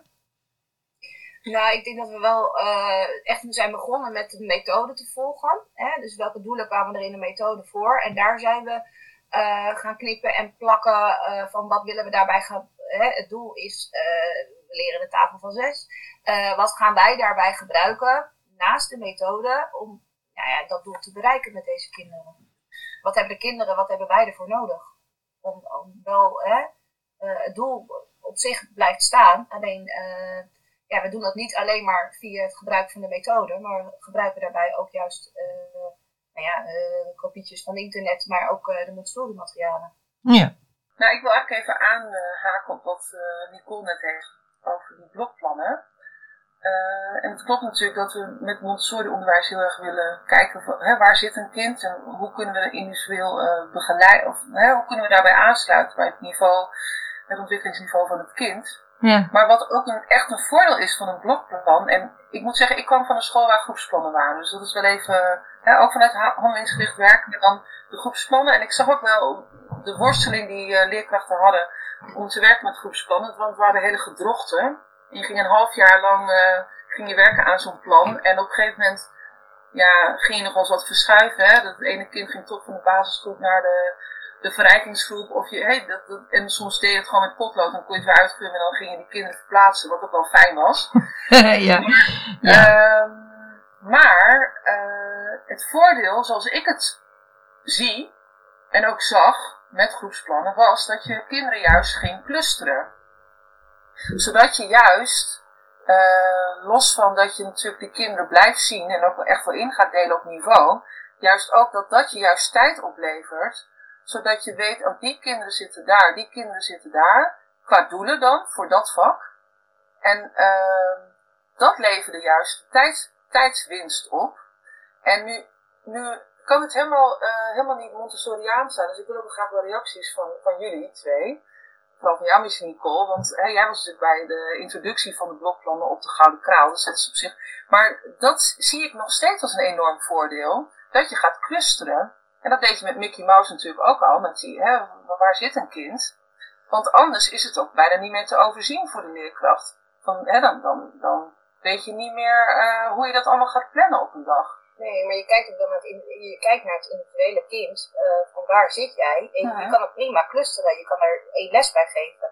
Maar uh, je, je, je verschuift het kind ook binnen je rekenblokplan. Dan kan het het ene keer in, een, uh, in de verlengingsinstructie zitten ja. bij die doelen. En de volgende keer haal je het kind weer naar een basisschool. Precies, dus dat is wat jij bedoelt met individueel. Want ja, natuurlijk ga je clusteren. Je heeft het kind zelf nodig. En daar vandaan ga je kijken maar het kan ook zo zijn dat je het ene kind een ander materiaal of een ander, eh, dat je het inzichtelijker wil maken voor dit kind. En dat voor een ander kind is het uh, uh, prima om uit het werkboek te werken. Maar, uh, dus je werkt daar ook wel weer Ja, maar dat die onderwijsbehoeften, zeg je eigenlijk dat, die, dat je daar heel erg naar kijkt. En dat zit er niet alleen in het niveau van het kind, dat kan ook zitten in het aanbod. Ja, wat, wat bied je aan en hoe doe je dat? En hoe, hoe ziet dat er dan uit in een blokplan? Hè? Want jullie, gaan, jullie hebben volgens mij een echte moment dat je je blokplanvoorbereiding doet.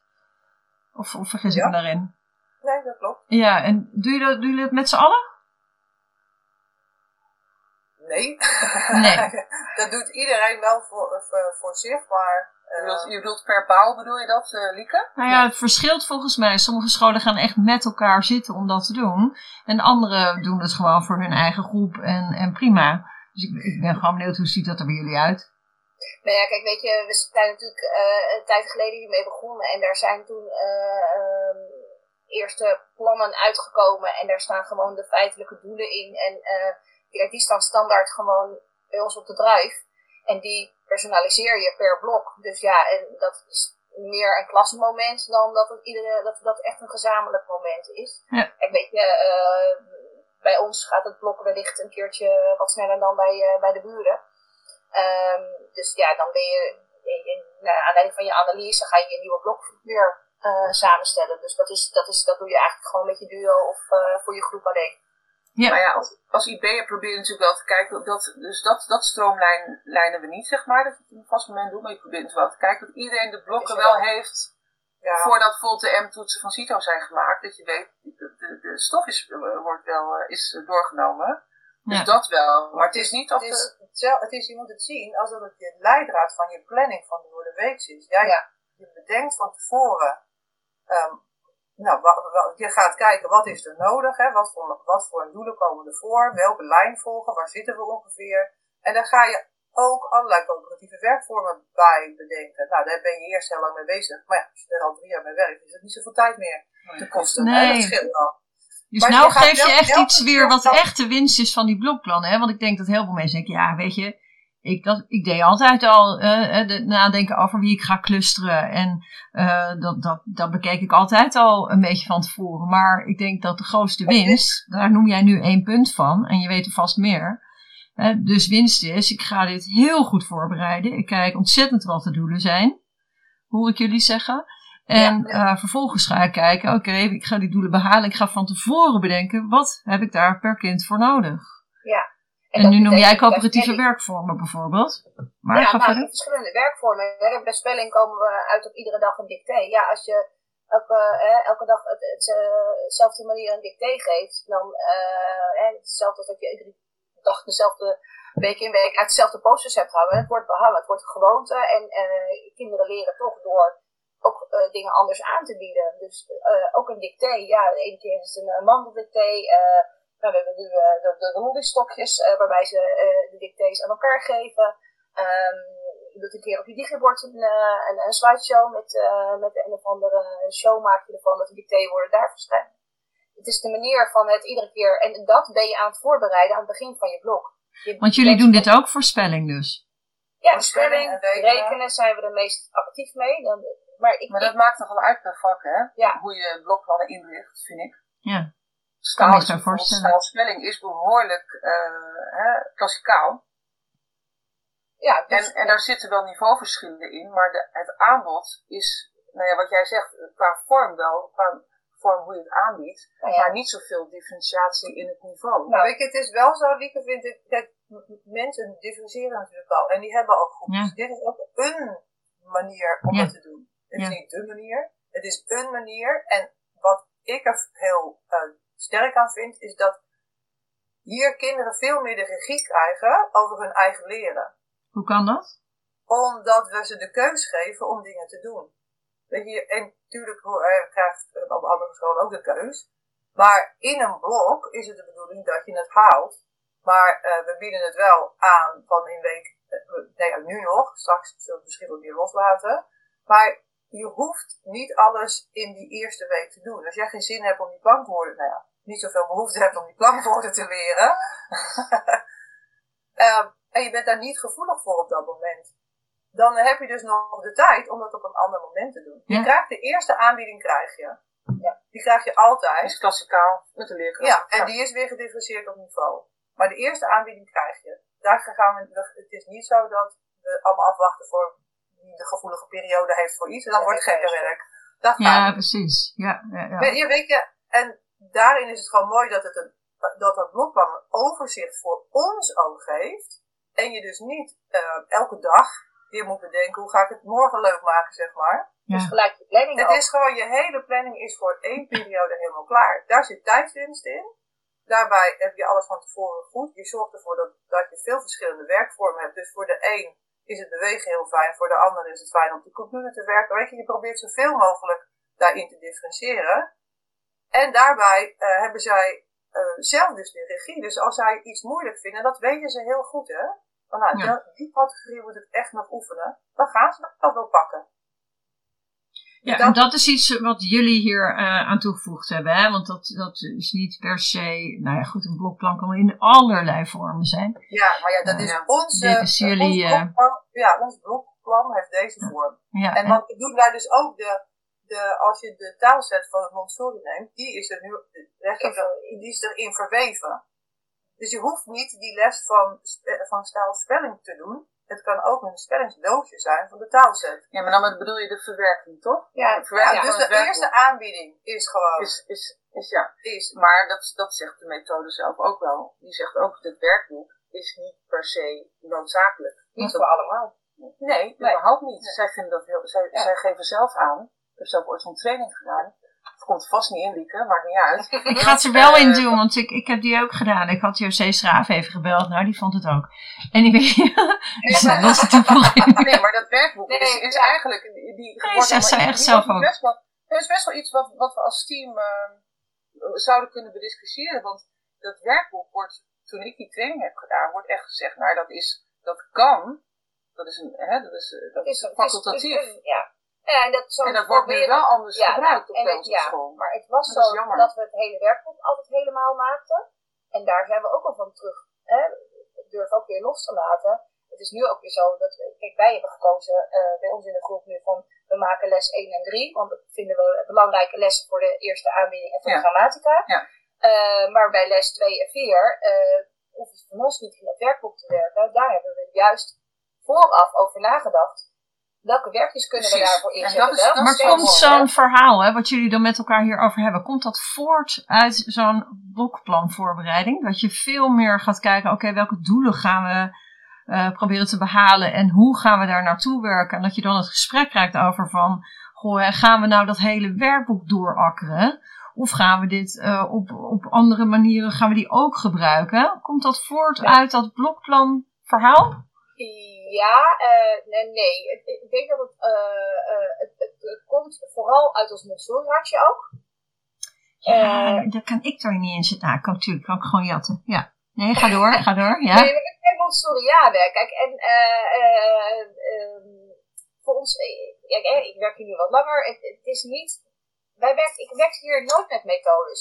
Hm. En op een gegeven moment voel je je als, eh, als leerkracht methodeslaaf, om het maar even het woord te gebruiken. We waren de methode helemaal aan het volgen en dat voelde niet goed.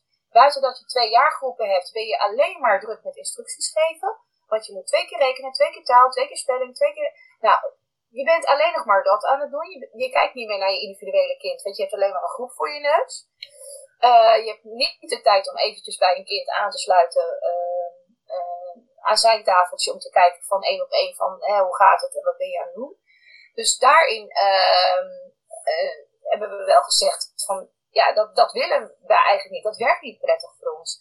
En het blokplan kwam daaruit voort. ehm, van, nou ja, eh, dan ga je het dus op, een andere manier voorbereiden. Zodat je het ook tijdwinst behaalt. En eh, het kost de tijd om zo'n blokplan te maken. Maar uiteindelijk in de rest van de weken, die volgen, hè, die vier, vijf weken van een blok, eh, heb je gewoon weer enorm veel winst. Het staat alles op papier. En ehm, ja, heb je wel Hoe bedoel je, staat er alles op papier? Hoe ziet dat eruit? Dat alles op papier staat? Eh, nou, eh, de blokplannen is niet één A4'tje meer bij ons. Want ook de woorden van de week bij spelling staan erbij. Eh, er staan, eh, de materiaallijsten worden langer. eh, de keuzelijsten van kinderen, wat ze voor een, eh, een doel eh, willen gaan bereiken. Dat, dat staat allemaal wat meer uitgeschreven al op papier. En als ik morgen bij jou in de klas kom, hè, uh, kan ik dan op een of andere manier zien uh, welke kinderen een doel al hebben bereikt en wie er nog weer ergens aan werkt, bijvoorbeeld? Kan ik dat in zo'n blokplan vinden? Ja, in principe wordt die evaluatie toch ook wel standaard ja, gedaan. bij de, bij de je hebt, Want je hebt de voorbereiding erin zitten, mm -hmm. met, met je, je groepjes, zeg maar, hè, van wie welk niveau heeft. Dan heb je je werkvormen en dan heb je ook nog je observaties. Ja. observaties. En ik denk ook wel die blokplannen, en da daar, hè, dat is natuurlijk ook heel belangrijk, is dat je dus die tussentijdse evaluaties hebt, of de, hè, dat formatief uh, evalueren. Ja. Dat, dat denk ik heel belangrijk is. Dat, dat zie ik als een groot voordeel van die blokplannen. Ja, maar hoe vaak heb je dat dan vastgelegd, hoe vaak uh, leerkrachten dat moeten bijwerken? je bent dus de hele dag in aan het meetekenen. Dat, wij, dat is dus echt een mooie op de gouden taal, is dat je het, uh, je hebt het uitgeprint. Dus uh, je hebt het digitaal gemaakt, dan print je het uit en dan schrijf je erbij. Ja. Dus dat die evaluatie gewoon, dat is eigenlijk een soort werkdocument. Ja. Dus veel, veel leerkrachten werken natuurlijk ook samen in een groep. Hè? Ja. Dus dan kun je ook direct zien van, uh, in de map van, oh dat is gedaan, dit heb je geschreven bij die leerling, dat is handig, dit neem ik mee voor vandaag.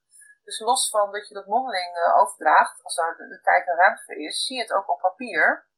En dat is het, dat, ja, dat, dat formatief uh, evalueren, dat, dat zie ik wel als een heel groot, groot voordeel. In plaats van de groepsplannen die je dan na een half jaar een keer gaat evalueren omdat dan de CITO-toetsen zijn afgenomen. Ja. Ik, vind dit een, ik vind dit een heel mooi middel om dat heel goed bij te houden. En ik, ik, denk dat dat ook maakt dat de leerkrachten ook het nut er heel erg van inzien. Mm -hmm. Naar mijn inziens dan. Dat ja, je, ja, je kan heel snel schakelen. Want je, je, er staat bijvoorbeeld, staat dus in het blokplan nu is dat het planwoord. Een onderdeel. En als je dan ingeschat had van dat een kind dat echt beheerst. Hè, je denkt, nou, dat is echt vanuit uh, PDT vanuit je CITO's of van, vanuit je eigen observatie. En opeens denk je, dat is raar, want hij maakt allemaal fouten. Dat is gek. Dan kun je meteen, omdat je het opschrijft, kun je meteen de volgende dag een extra lesje geven. En of jij die dan geeft, of je, weet je, um, of je zorgt weer voor een groepje. Het is heel, um, um, een werkdocument. Het is echt een werk, het is heel dynamisch, dat soort dingen. Ja, flexibel. Ja. en dat betekent dus ook dat het per dag totaal kan verschillen wie er een verlengde instructie krijgt of wie er in een soort van weergroep zit uh, of in de. Ja, ja. ja maar dat, dat doe je, maar dat, dat heel buiten je blokplan, tijdens je instructie. Ik bedoel, je hebt altijd een meetmoment bij je instructie om te meten met een wisbordje of een, uh, welke manier dan ook om te kijken of een kind uh, wel of niet het doel beheerst. Ja, dat denk ik ook, maar ik denk dat er toch nog wel heel veel uh, gebeurt dat in scholen kinderen gewoon voor een half jaar in de weergroep zitten. Ja, Want nou, daar zijn ze ingestuurd. Ja, dat, dus zie je, dat zie je toch eigenlijk bijna niet? Nee, nee, bij ons zijn er instructies, als ik voor mezelf spreek, ik bedoel, uh, en wat ik ook om me heen zie, zijn het vooral gelaagde instructies. Het is gewoon uh, even je opening, uh, je doel benoemen, um, even de controle van, met een som of met een, een paar woorden dicté. En als je ziet dat een kind dat beheerst, ja, dan ben je al snel, uh, dan kun je uit de instructie eigenlijk. Want als je het beheerst, wat doe je er dan nog? Dan uh, word je vervelend, waarschijnlijk. Nou, en ik denk wel dat het Montessoriaans is. Dat je, dat je daar sowieso eerder op uh, inzoomt. Ja, en soms, soms ver, verbaast het je nog wel eens hoor. Dat een kind uh, er volledig uitvalt. Dat je dacht van, nou, die beheerst het wel. Er staat in mijn blokplan dat hij het moet beheersen. Maar ik zie het nu niet terug in mijn instructie. Ja, dan blijf je toch nog even zitten. Het blijft toch. Ja. En, wat, ik, wat ik denk ook wel mooi is dat groep 1 en 2, het is heel anders. Je werkt niet met methodes, je werkt op een andere manier, je werkt met thema's. Maar ook daar zijn we, een soort blokplannen zijn er ontwikkeld. Ja. Wat nog wel een beetje in de kinderschoenen staat hoor. Maar dat, dat houdt wel in dat die kinderen ook worden ingedeeld, nou ja, per, voor rekenen en taal dan. Voor die twee vakken, om te kijken, nou waar zit je? En ook daar wordt wel gekeken van, uh, wordt een doel beheerst? Hoe gaan we, wat doen we als het doel beheerst wordt? Of wat doen we als het nog niet beheerst wordt? En dat werkt eigenlijk een beetje op dezelfde manier. Het is wel jammer dat er niemand van groep 1 2 hierbij zit. Ja, maar, maar dan werd het wel een hele grote party. Nee, ja, maar dit is al zo'n party. Oh, man. ja, maar ik vind het wel een gave slag om dit ook naar 1-2 door te tillen. Uh, want alsof daar geen doelen zijn. Ik bedoel, daar kunnen we natuurlijk precies hetzelfde doen. En nadenken over de werkvormen. En... Een blokplan, maar ze bestaan, daar wordt wel naar gekeken. En dat, en dat is, het is minder makkelijk, omdat, uh, hoewel zij ook de doelen natuurlijk van tevoren heel gaan bepalen per thema. Ja. Maar uh, Nee, daar wordt ook, daar wordt ook naar gekeken en dan worden kinderen ook ingedeeld. Want waar, waar zit je? Ik, ja, ik vind, het, ik vind het in die zin hartstikke leuk dat dit gebeurt op deze school. En uh, ik denk dat we toch wel trots mogen zijn. Toch ja, dit, we uh, proberen de kinderen ook wel mee te nemen in die doelen. Van, uh, om, om zich ook eigenaarschap te geven van of ze zelf weten of ze het wel of niet beheersen. Nou, dat is helemaal mooi, hè? Want dat is op zich wel de opzet ervan ook. In, en met een doelenmuur en in welke vorm wil je het ze laten afstrepen of met knijpertjes hè, op een lijntje laten hangen. Dus daar, ja, er zijn nog een beetje zoekende van hoe het het mooiste kunnen, kunnen ja. vormgeven. Maar uh, we proberen ze er wel heel duidelijk in mee te nemen. Ja, heel mooi. Want dat geloof ik ook heel erg in. Dat dat ook zeg maar bij... Ja, maar daar zou ik nog één ding zeggen, Lieke? Of ben je al aan het afronden in je hoofd? Ik, uh, nee, nee, kom maar door. Nee, nee. Nou, ben je ons eerst maar, dan ga ik Ja, um, want vanuit die blokplannen is er vorig jaar ook voor Rekenenland hebben we een doelenkast uh, ja. gemaakt. Ja. En dan bij elk doel is dus het materiaal wat dus bedacht is van tevoren, staat dus in die kast. Eén, is dat handig voor jou, want dan kan je, heb je het gewoon kanten klaarstaan en kun je voor je dus instructie. Voor je instructie. ja. Dan kan je het pakken, hotza en door. En dan hoef je niet uh, s ochtends je denkt, oh help.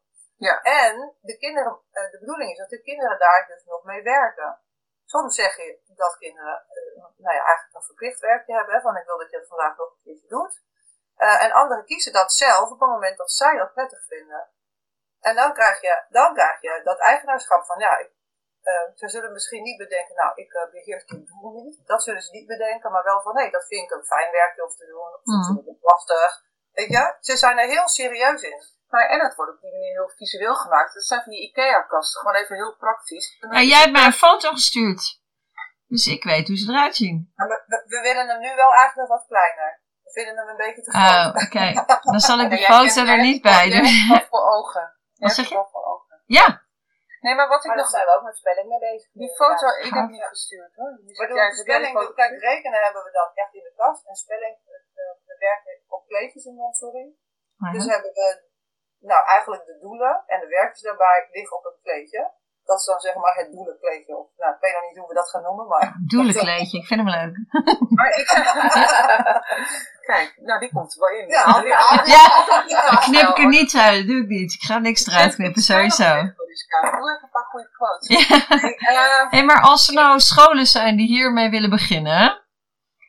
Uh, volgens mij moet je dit niet zomaar ijzerhatse flats uh, maar gaan proberen. Dus hebben jullie nou tips? vak gaan inzetten. Nou, per vak. Dus dat is de eerste tip. Begin met één vak. Ja. ja. En dan, um, wat is dan de volgende tip? Ik wil dit gaan doen. Pak ik jullie format gewoon hopla over? Of, of hebben jullie een uh, tip waar je dat... Ik denk dat je eerst, kijken. Nee, dat is, ik denk dat dat al heel erg helpt om eens te kijken hoe werkt het. Maar ik denk ook het format is natuurlijk een format hè, die je sowieso, daar kun je mee beginnen.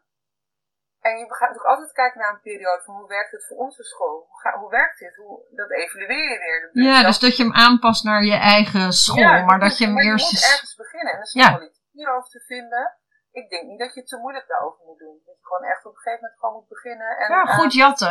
en dan aanpassen naar je eigen... Ja, zo, werkt, mij zo werkt het toch meestal. Weet je, of je het nou uh, in landscape doet of je doet het twee, dan moet, de vorm is niet zo belangrijk. Maar wat is jouw werkwijze? Wat wil je vanuit jouw hart met die kinderen doen? Maar dat merk je pas als je begonnen bent. Dus je moet ergens beginnen. En dat is fijn als je dat kunt overnemen van een andere school. Als je denkt, nou, dit spreekt me wel aan, dit, dit, hoe, hoe zij werken dan kun je natuurlijk zeggen, nou, dan, dan kunnen we eens een keer vragen naar het format. Of, of je komt eens kijken, zoals Nicole zegt. Ja. Nou, altijd welkom natuurlijk. En dan moet je gewoon beginnen. En dan, en, en, en leer, leerkrachten zijn creatief, dus dat komt wel goed. Die gaan dan vanzelf, die, denken, die, die zijn kritisch, die denken van nou, dit werkt wel, dit werkt niet. Je bent op je eigen, je bent eigenlijk ook altijd aan het evalueren op je eigen uh, werk. Mhm. Hoe doe ik het? Ja, en dan komt er vanzelf, denk ik, een, een, een schoolformat ja, en ik denk dat iedereen zijn eigen valkuilen mag pakken. Hè? Maar is er één waarvan je zegt, nou daar kunnen we je een tip geven, stap eroverheen? Dat je niet te veel moet willen.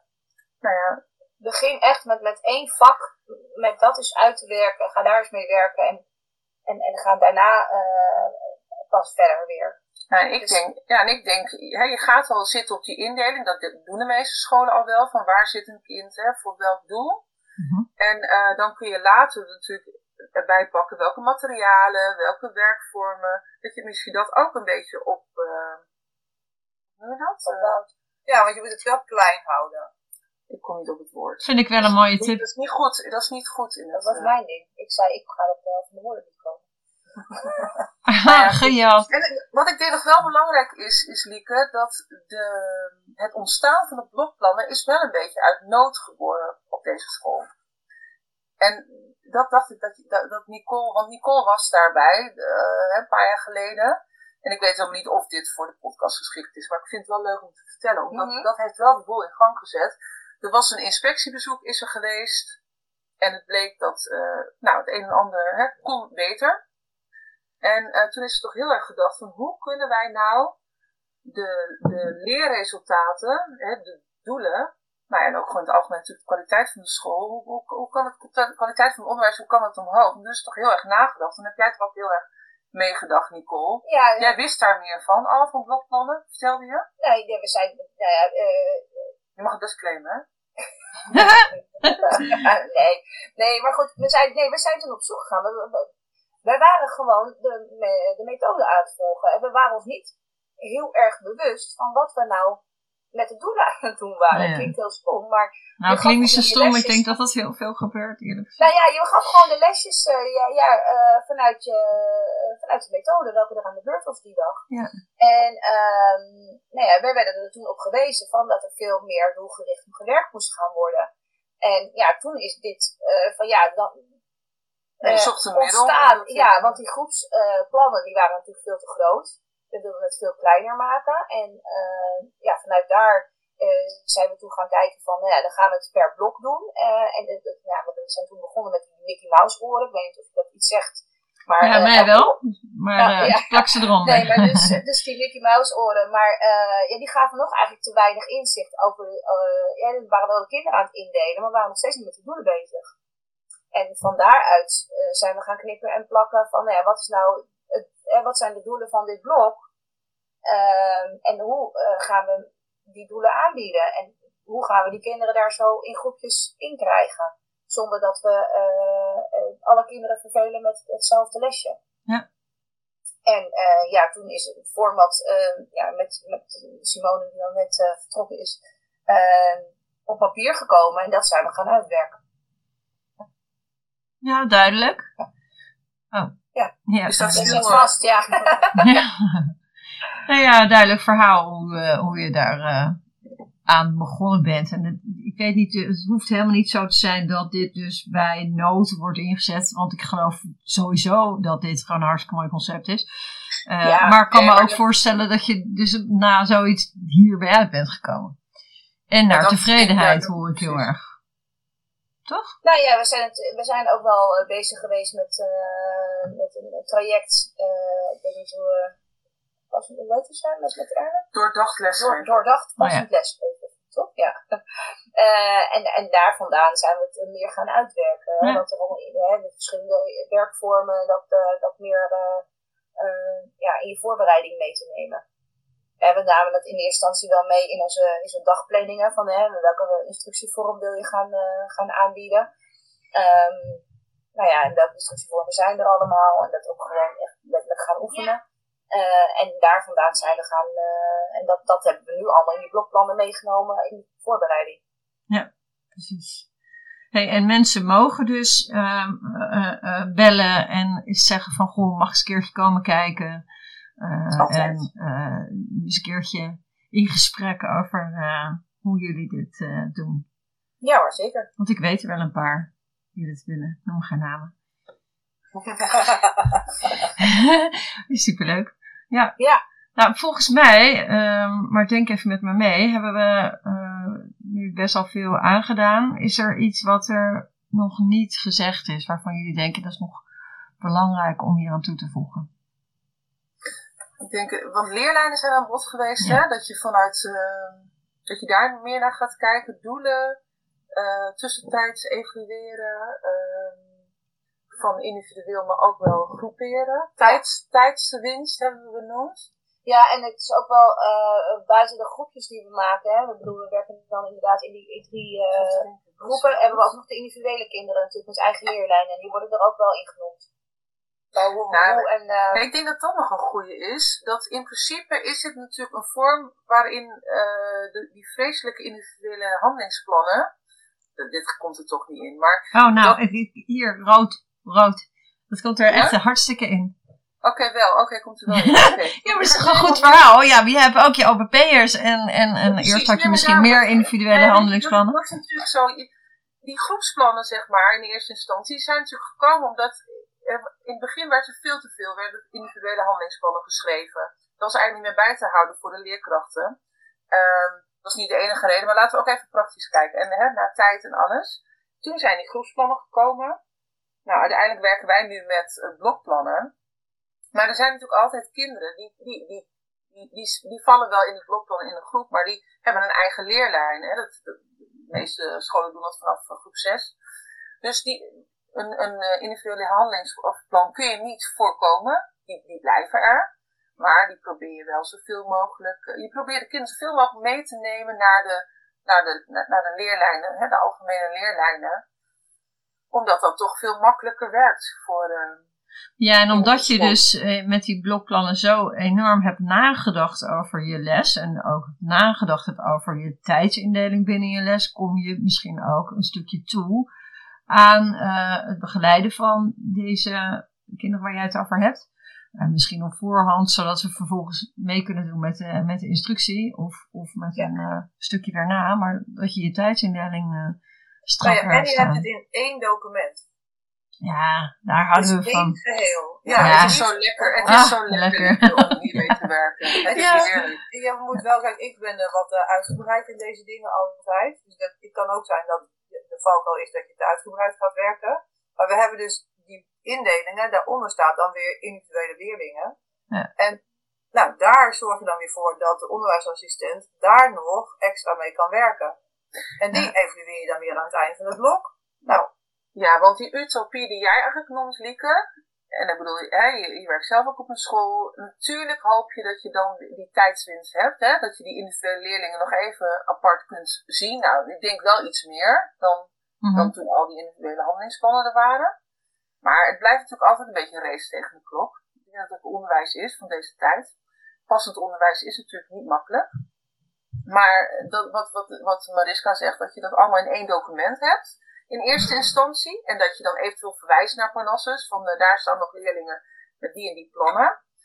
Uh, dat is natuurlijk al een winst. En je hebt natuurlijk uh, de onderwijsassistenten die natuurlijk een belangrijke rol spelen. En vanuit, uh, zoals de NPO gelden, hebben wij best wel veel, veel handen nu op school. Om ook die leerlingen wel iets meer te kunnen begeleiden. Dat, het gaat even af van het pad van de blokplannen, maar dat is natuurlijk wel zo. Nee, dat hoort er wel bij, want hier, hier gaan mensen natuurlijk juist over beginnen. Ja. Wat zeg je? Nou, hier gaan mensen natuurlijk juist over beginnen, want de waar lopen op vast, juist omdat je daar te weinig aan toe komt. Dus het is mooi als er een stukje tijdwinst in zit. Ik snap wel dat het niet uh, Walhalla is ineens en dat je daar uh, enorm op in kunt zetten. Nee, en, dat heeft, en het kost ook echt wel tijd om het eventjes op, op, op, papier te nou, zetten. Nou, dat, en voorbereiding kost je wel tijd. Nou ja, en, het, en, en uh, natuurlijk is het zo, als je een paar jaar dezelfde groep hebt, dan is, het, dan is het makkelijker. Dan heb je doelen en zo ook concreet en je neemt het over van elkaar. Ja. Uh, ja, dus vooral het eerste jaar is het heel veel werk, tweede jaar ook. Maar Lieke, het heeft ook heel erg te maken met je groepsgrootte. Ja, natuurlijk. In het algemeen zijn die groepen groot. Die, zijn, die, zijn niet, die houden niet op bij 25. En 25 is al veel. Ja. Als je dat veel toch op uh, niveau wilt aanbieden. Dus als er nog groepjes waren van 16, dat heb ik ook wel eens gehad, een groep van 16. Nou, hé, hey, hallo, dat, dat wordt leuk. Maar dat heb je toch helemaal niet meer. Dus, ja, amper, amper. Ik ken ze, maar nee, het zijn er niet veel. Zeg je? Zei amper, ik ken ze, maar het zijn er niet veel, inderdaad. Nee. We hebben natuurlijk een heel schattig uh, schooltje in Loosdrecht. Hè? Er zitten ook hele kleine klasjes bij. Maar anyway, nee, ik snap wat je zegt. Ja, duidelijk. Oké. Okay. Uh, Mis je nog iets van je papier? Of hebben we alles wel een beetje nee. Nee, ik, uh, ik heb volgens mij wel alles langsgehad wat ik belangrijk vond. Ja. Dus als jullie ook niks meer hebben, dan moeten jullie gewoon lekker naar lasagne, pizza, relaxen en weet ik veel wat. Want jullie nog een hele avond... eh, Ja, toch? Ja, wat, wat hebben jullie nog hier achteraan? Ouderavond Rots en Water. Ja, we hebben de Rots en Water training voor ouders. Ah, oké. Dat is op zich wel leuk. Nou, we hebben het vooral voor kinderen, maar we gaan de ouders over informeren. Ja, ja, precies. voor ouders, voor vanavond. Ja, je zegt Is dat het onze watertraining voor ouders. Nou ja, Dat zou ook mooi, mooie vorm zijn. Kort even uit voor vanavond. En Ja, ja. morgen beginnen we echt met de kinderen, ja. Ah ja, dat, ja cool. Nou, leuk. Nou, we hopen dat, eh, dat wij wel de podcast halen, hè? Ja, ja, nou het wordt even nee. Ik, Wordt wat eh, knippen en plakken. nee, het enige is wat ik. eh, Het is anders veel te lang. Dus ik heb, ik heb twee onderdelen gemaakt. Eén is differentiatie. Hè, dat was het hoofdonderdeel, het hoofdonderwerp van de podcast. En eh, het tweede stuk is blokplannen. Dus daar eh, plak ik dit stuk in. En in principe laat ik dat redelijk onbewerkt. Want het is dynamisch prima, weet je. Dat is gewoon, eh, het is ook leuk als het niet eh, en als statisch is. Een beetje gelach tussendoor en een beetje... Ja, toch? Want hebben jullie nu het idee van, goh, ik heb echt dingen gezegd die, oh, dat kan echt niet? Heb ik dingen gezegd of jullie Jij ging, heel, jij ging heel goed. Ging ik heel Jij goed? ging echt, jij was lekker op dreef. Oké. Ik vond jullie alle drie hartstikke Ik sterk. deed het alle drie heel goed hoor. Ik denk het ook wel. Ik, ik heb dat ik niet zoveel heb gezegd, maar dat maakt niet uit. Ik, Nee. ik, eh, ik, En wil, ik- en ik, ik ik zei- wil natuurlijk heel graag gehoord worden, maar ja. nou, ik denk dat dat eh, wel eh, is gelukt hoor. Ik, denk, Ja, ik dat- hoop dat we alle drie een beetje vanuit onze, nou, uit onze rol. dat was nog leuk geweest misschien. Dat jij vanuit jouw rol als HB-specialist. Dat is denk ik ook wel weer lastiger hoor. Maar Nee, misschien, maar misschien is wil ik dan te veel. Nee, maar dan kun je wel, dan heb je het over van, dan heb je het ook over hoe, hoe ga je om met leerlijnen, hoe doe je dat, hoe zie je de, de blokplan die in het, die mis, Ja. ja, en, en dat wat je in de klas misschien niet kunt verwezenlijken, dat je dat wel kunt doen bij Mariska. Maar goed, hey, dat is misschien voor een volgende keer. Misschien Want moet dat ik was daar een nog wel interessant geweest, nog een leuke, leuke wending misschien. Nou, dat mag sowieso nog wel in de podcast een keer. Gewoon het HB. Hoe werkt het met een HB-kind? Gaan we wel luisteren, hè? We, gaan, we moeten ook liken, hè? We moeten Lieke ook liken. Abonneren. Ja. Steek je duimpje omhoog. ja, precies. Nee, maar goed, weet je wel, als het een keer eh, HB wordt, dan... eh, nee, dit is super interessant, want eh, eh, grappig genoeg gaan wij die blokplannen aanvliegen om juist dat stukje aan de bovenkant meer te gaan bedienen. En niet dat jullie dat niet hebben gedaan, maar in ieder geval, hè, dat is bij ons de insteek. Dus daar zeker eh, nadruk op dat dat bediend wordt. En dan niet per se buiten de groep, maar juist in dit.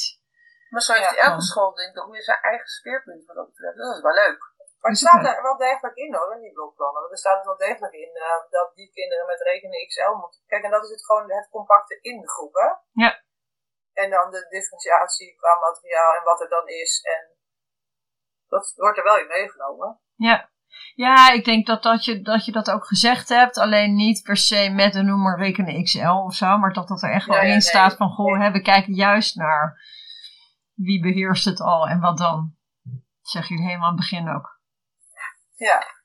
Ja, maar ik denk, het blijft natuurlijk leuk, want dit is, dit blijft, dit document is een, ja, is een, werkdocument. is een werkdocument en daar kun je eh, steeds weer, weer in verdiepen en steeds weer aanpassen en steeds sterker maken. Ja. Dat, blijft het, dat is het leuke ervan. Het is, je hebt natuurlijk op een gegeven moment wel al die werkvormen bedacht.